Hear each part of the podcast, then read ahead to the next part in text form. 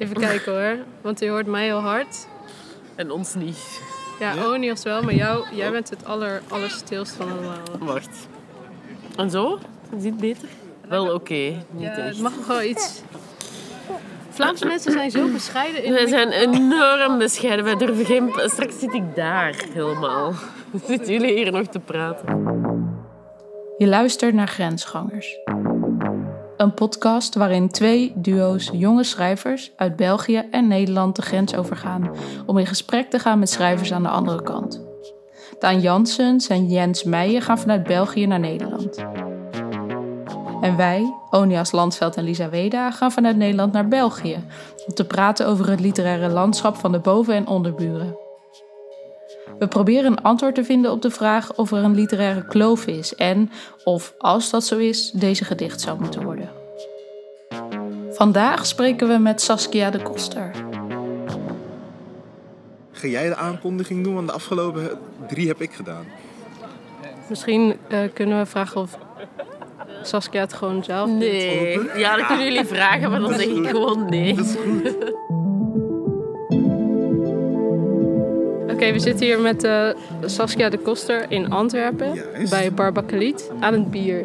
Aan het bier. Het is eh, Correctie, jullie zitten aan het bier. Ik zit aan Antwerps water. ook goed. Er is net, nou ja, net, jawel, nog niet zo lang, een super mooie roman verschenen van eh, Saskia Nachtouders bij Das Magazine. En eh, wat misschien wel goed past en wat ik best wel raar vind, is dat je ons hebt uitgenodigd op een terras waar alleen maar baby's zijn. Ja, dat is hier eh, een, een grote conventie van baby's en moeders. Dus eh, ik kom straks even meepraten. Nee, dit is puur toeval. Ik kan het ook niet verklaren hoor. Maar eh, het is echt niet zo dat ik nu volkomen geobsedeerd ben door baby's. Misschien ligt het aan jouw blik, dat jij die nu ziet. Ja, doordat je het boek gelezen hebt. door Ja, roman. ja. Want dat is zo... Ja, ik ben helemaal niet zo into van die zelfhulpboeken over... wat nu gedaan, hè? nu er kinderen zijn en moeten we dan... eh, hoe moeten we onze cupcakes versieren? En, eh, of dat is ge, gejammer. en- Allee, voor mij gaat Nachthouders over iets helemaal anders eigenlijk dan gewoon baby's. En wat is dat dan? Want ik was laatst bij een interview in, eh, in Nijmegen. bij Ah, ja. een boekenfeest. En daar ging het eh, heel lang over moederschap. En volgens mij...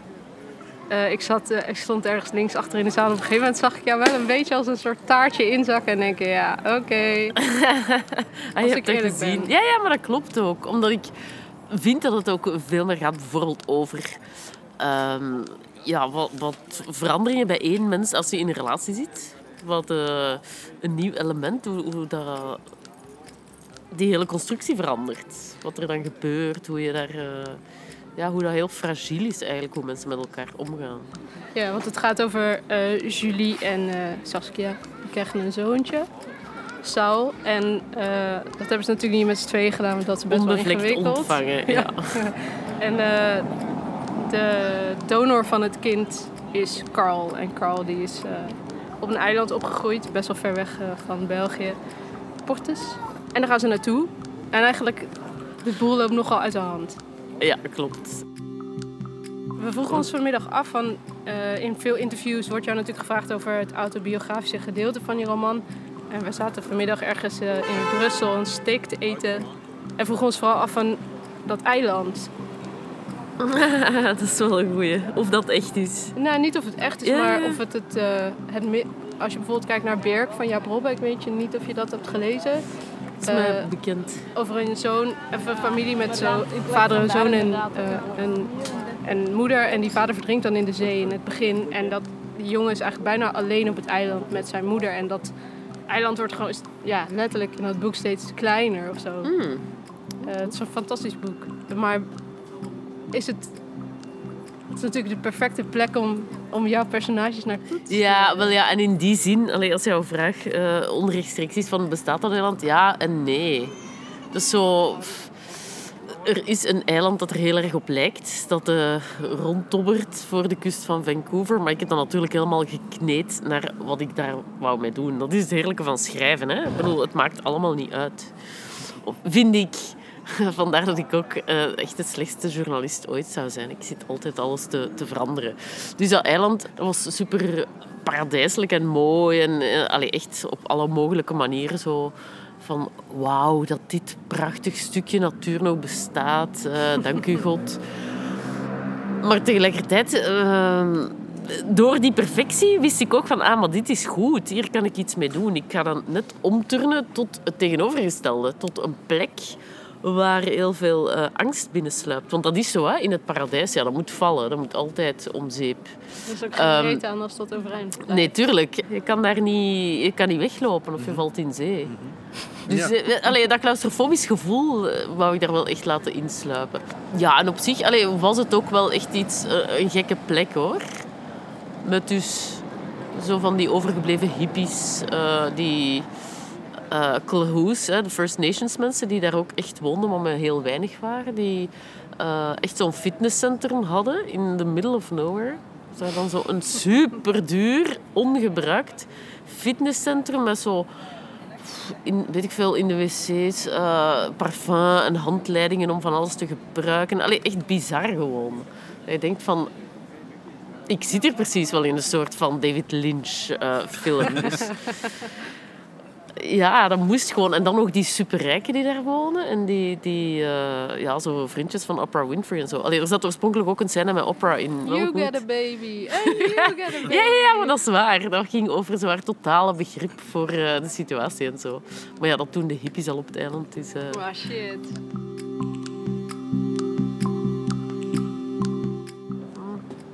Dit verhaal. Je hebt een paar best wel heftige dingen erin beschreven. En ook Carl.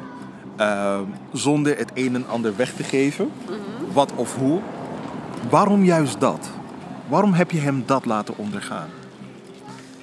eh, omdat personages altijd moeten afzien. Hè? En omdat het ook wel toevallig eh, min of meer wel zich afgespeeld heeft. Dus waarbij, ja, op, hè, waar, dat je denkt van, of dat was voor mij zo de grote ontdekking van, ah ja, hippies en mensen die echt enorm eh, alles omarmend zijn en heel begripvol en die, die zo als hè, hoogste goed hebben van, ja, maar alles kan, alles mag en we verstaan het allemaal wel. Dat is nog altijd geen garantie voor totale verdraagzaamheid. Allee, Ja. Uiteindelijk is dat ook iets heel individueels. En zeker, denk ik, in eh, families is er altijd is er, is er zoveel dat meespeelt. Van jaloezie, van competitie, wedijver om de liefde van hè, de moederkloek Molly bijvoorbeeld. Ik denk dat dat iets heel sterks is. Ja, dat is dus wel echt gebeurd. Ik bedoel, dat is, ja, dat klinkt ja, zo onnozel, want we, voor luisteraars is dit echt zo'n totaal mysterie. Ja, lees het ehm, boek gewoon, dan snap je het wel.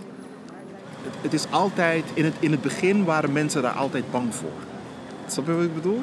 Waarvan ze, eh, het geheim waar ze het over hebben, ja. ze waren altijd bang dat iemand als Carl dat zou doen. Ja, ja, ja, wel, maar dat is het. Ja. Ja. Dit is wel echt heerlijk zo qua, qua mysterie. Mysterie. zo, waar gaat dit nu snel over? Ja. Maar ik, denk dat dat, nee, maar ik denk dat dat wel klopt. Dat je dingen waar je zelf bang voor bent, dat ga je natuurlijk projecteren. Hè. Mensen eh, willen graag kinderen als super onschuldig zien. Of, Mhm. eh, allee, het is gewoon heel veel dat je zelf compleet invult.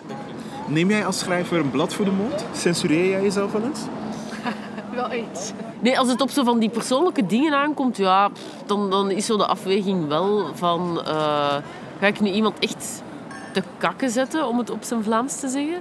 Eh, pff, dat is niet de bedoeling. Allee, ik schrijf niet vanuit een soort wraakzucht of zo. Maar ehm, allee, ik heb wel al problemen gehad met satire, eh, een rechtszaak. Dat heeft mij wel geld en... eh, enorm veel stress gekost. Ja, omdat zo... Ja, dat is echt Kafka. Dat heeft twee, drie jaar geduurd. En ehm, op den duur zat ik zo in het hoogste echelon van de rechtbank. En moest ik mij echt gaan verantwoorden tussen de eh, mensensmokkelaars en de drugshandelaars en zo. Om iets dat je hebt geschreven. Ja. Ja, maar dat ging over een, een satirische brief die ik geschreven had tegen de vleesindustrie, maar uit naam van een voormalige man van de vleesindustrie eigenlijk. En die heeft mij dan een rechtszaak aangedaan, omdat hè, dat is eh, diefstal van identiteit. En, Ze hebben echt alles uit de kast gehaald om jou dan ja, ja. zeg maar voor het dat gerecht te kunnen slepen. Ja, absoluut. Ja. Elke obscure Machtig- wet. Machtige organisatie en die dachten van zo'n stom schrijverke die moet bloeden, die, die mag ons niet beledigen of met ons lachen. Nou, dan, dan, dat, toevallig, we hadden het over Oprah gehad. Die was ook aangeklaagd een aantal jaren geleden. Omdat ze aangaf van, volgens mij was het iets met hamburgers. Ze had iets van, ja, hoe kan je dat nou eten? En toen daalde dus de omzet van vlees Serieus? significant. En ze werd toen aangeklaagd door de, door de vleeslobby. Dat was echt een flink aantal jaren geleden. Oh. En ze kwam later nog op tv en, de- en dat, dat, dat werd toen een keer aangehaald, vijf, zes jaar later. En toen haastte ze zich nog om te zeggen, en ik zeg niet dat je geen vlees mag eten, hè? Want anders krijg ik weer problemen. Dus ja, maar het is, het is eigenlijk absurd. Want het laatste wat jij denkt dat er met jou gaat gebeuren als schrijfster, is dat je daar dus gewoon belandt. Om Ja. een tekst. Ja, en zeker in deze westerse wereld. Hè? Allee, f- ja. Ja, dat is, ja, ik vond dat heel absurd hoor. Maar En nu vind ik dat wel grappig, maar ik riskeerde wel echt eh, gevangenisstraf en zo. Ja? Ja, Je zou denken een fikse boete misschien. Of... En ik dacht, eh, maar ik, ik, op een bepaald moment dacht ik van, oh, ik wil dat eigenlijk wel. Eh, allee, de gevangenis, dat is goed. Dat is nog een goede plek om te schrijven. En dan, eh, ja. Komt er nog een bestseller uit ook? ja.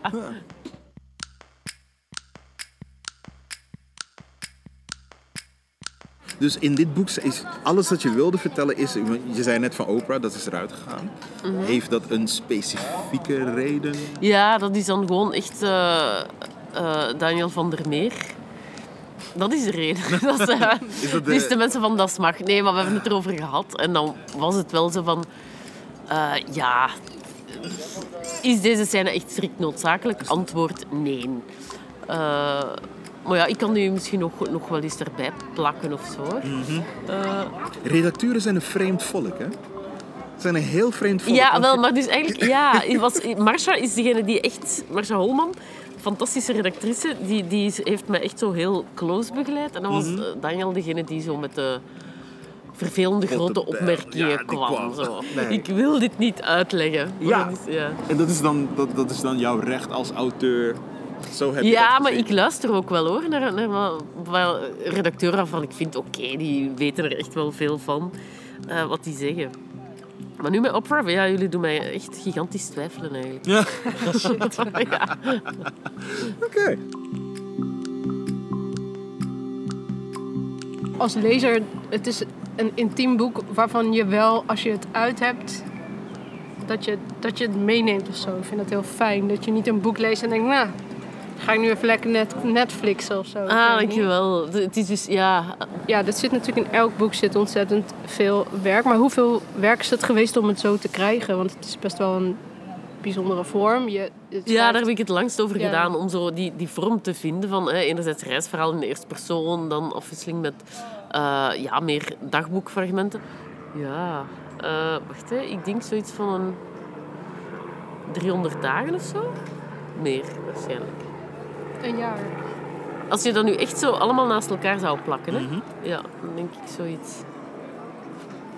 Ik denk altijd, wacht hè, hoeveel bladzijden heeft het? 300 en nog wat.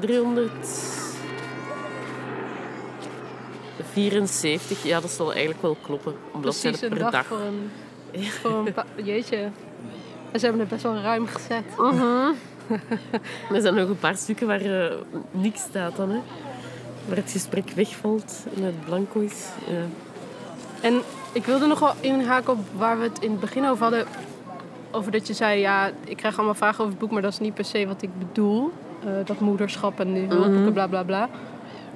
Eh, waar zou je nou dan het liefst, als dit boek nou wordt overgeleverd, wat, wa- wat zouden mensen dan wel moeten zeggen? Of, of, en indirect ook de vraag, word je niet nu de hele godganse tijd gevraagd om over moederschap te komen praten? Ja, en- en- en- allee, maar ik merk bij dit boek dat mensen daar wel echt heel eh, emotioneel op reageren.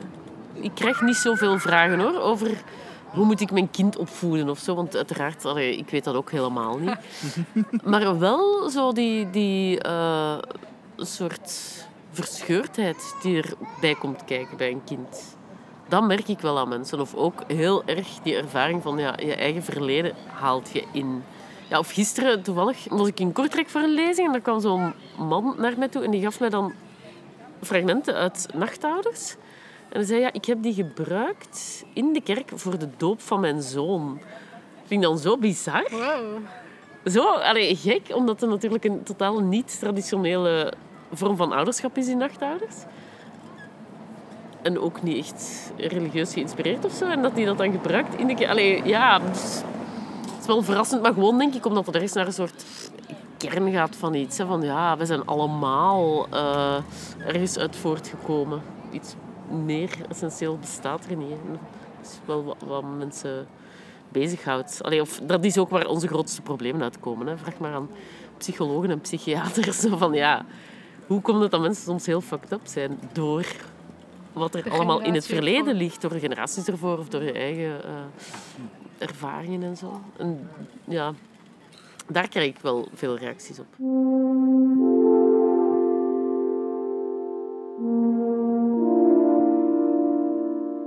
Vooral de beginpagina's. Ik zie het personage, en dan pak ik het puur als personage. Ja, je ziet een persoon die twijfelt, die onzeker is, een tikkel zelfzuchtig is en bang is om kwijt te raken wat diegene gewoon als leven kent. Ja. En die wil heel snel terug naar vroeger, maar vroeger komt niet meer terug. Wat doe je dan? En ik zie een worsteling met zichzelf. Dus ik dacht, op een gegeven moment dacht ik ook van, de baby had er ook niet in hoeven te zitten. Dat vind ik wel een heel goede opmerking. Het, het kon Ja. ook over iets anders gaan. Het kan zijn verhuizen. We verhuizen van België, verhuizen naar Italië. En dan is er ook weer een conflict, Ja. want er is verandering. Het punt is gewoon, Ja, is verandering. En Jij eh, moet journalist worden. hè. We hebben nood aan zo'n journalisten. Dat is de eerste die dit zegt.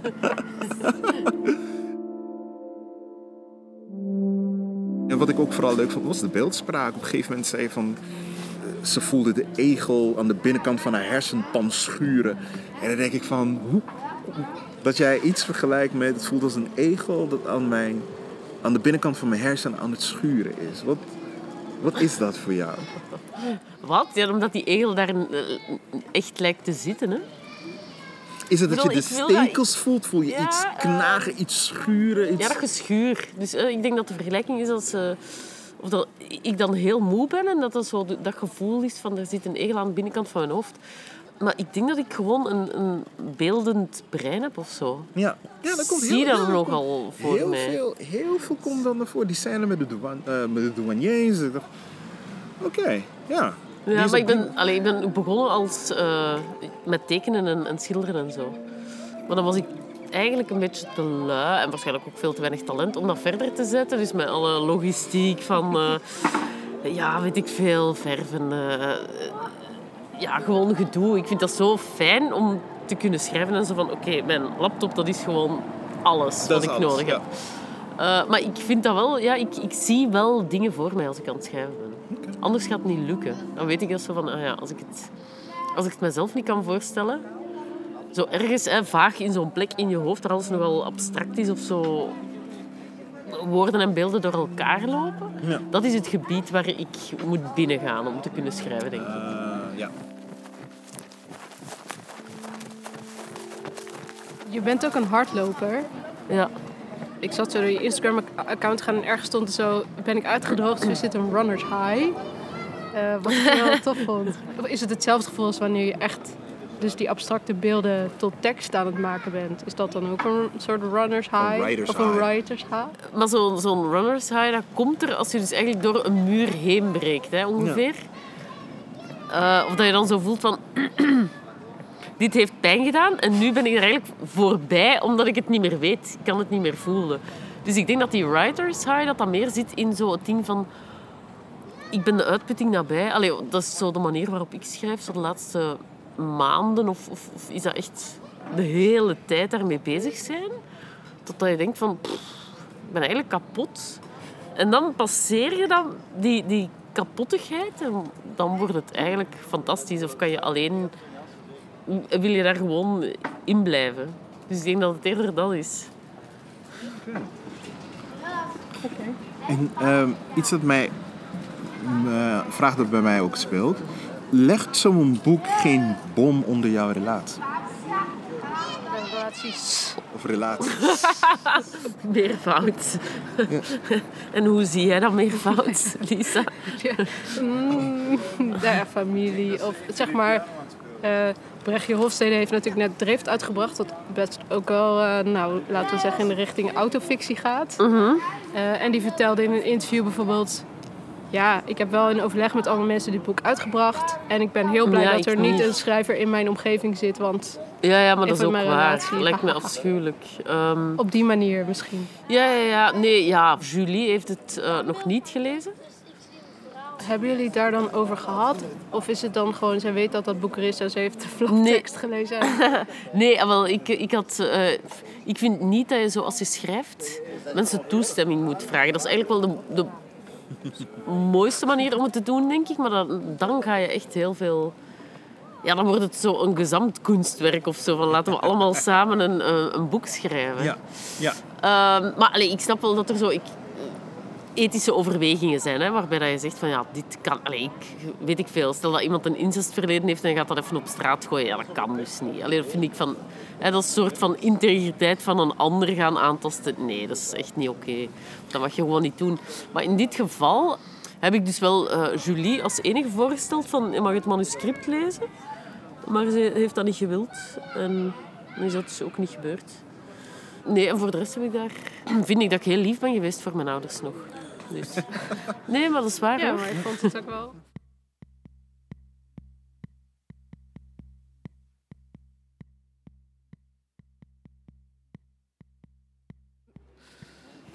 Misschien is dit een verre worp, maar schrijvers zijn machtig en onmachtig blijkbaar. Maar Ik je- denk vooral onmachtig hoor. Ja? Ja, kom aan. Eh, literatuur in de westerse wereld is echt marginaal. Ik heb soms nog het gevoel door columns of door dingen hè, in de publieke opinie, ja. Maar echt literatuur, nee.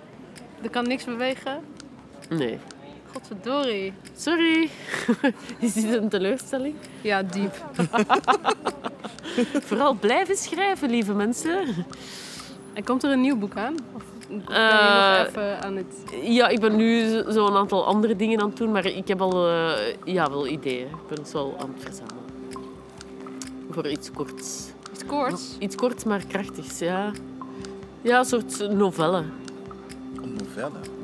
Klinkt chic, hè? Is dat heel uit jouw doen? Of Nee, ik heb dat wel geschreven, maar zoiets van eh, pff, 100 bladzijden of zo, denk ik. kan, kan je een tipje van de sluier? Ja, een soort machtsspel. Dat mensen in relaties met elkaar spelen.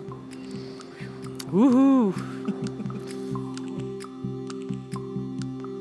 Zullen we hiermee afsluiten, Onias? Ja, want we moeten snel gaan kijken of mijn auto er nog staat. Oh jee. En ik zeg dit Het altijd. is 1 mei, Lisa- van de. Lisa noemt het een pimpmobiel. Het is een grote Audi. En Dat is heel mooi. ik vind hem een prachtige auto. Zij vindt hem ook heel leuk.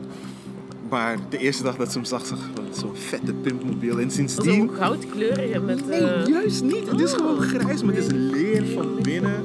Het heeft, het heeft stoelverwarming. Het komt uit 1997. Eh, Saskia, dankjewel. Yes! Ah nee, fijn om met jullie te praten. Gelukkig. Nee, echt. Ik vond het heel leuk om, eh, om jou te ontmoeten en hier te zijn. Boeiend gesprek. Van genoten, ja? Top. Ja, top, top.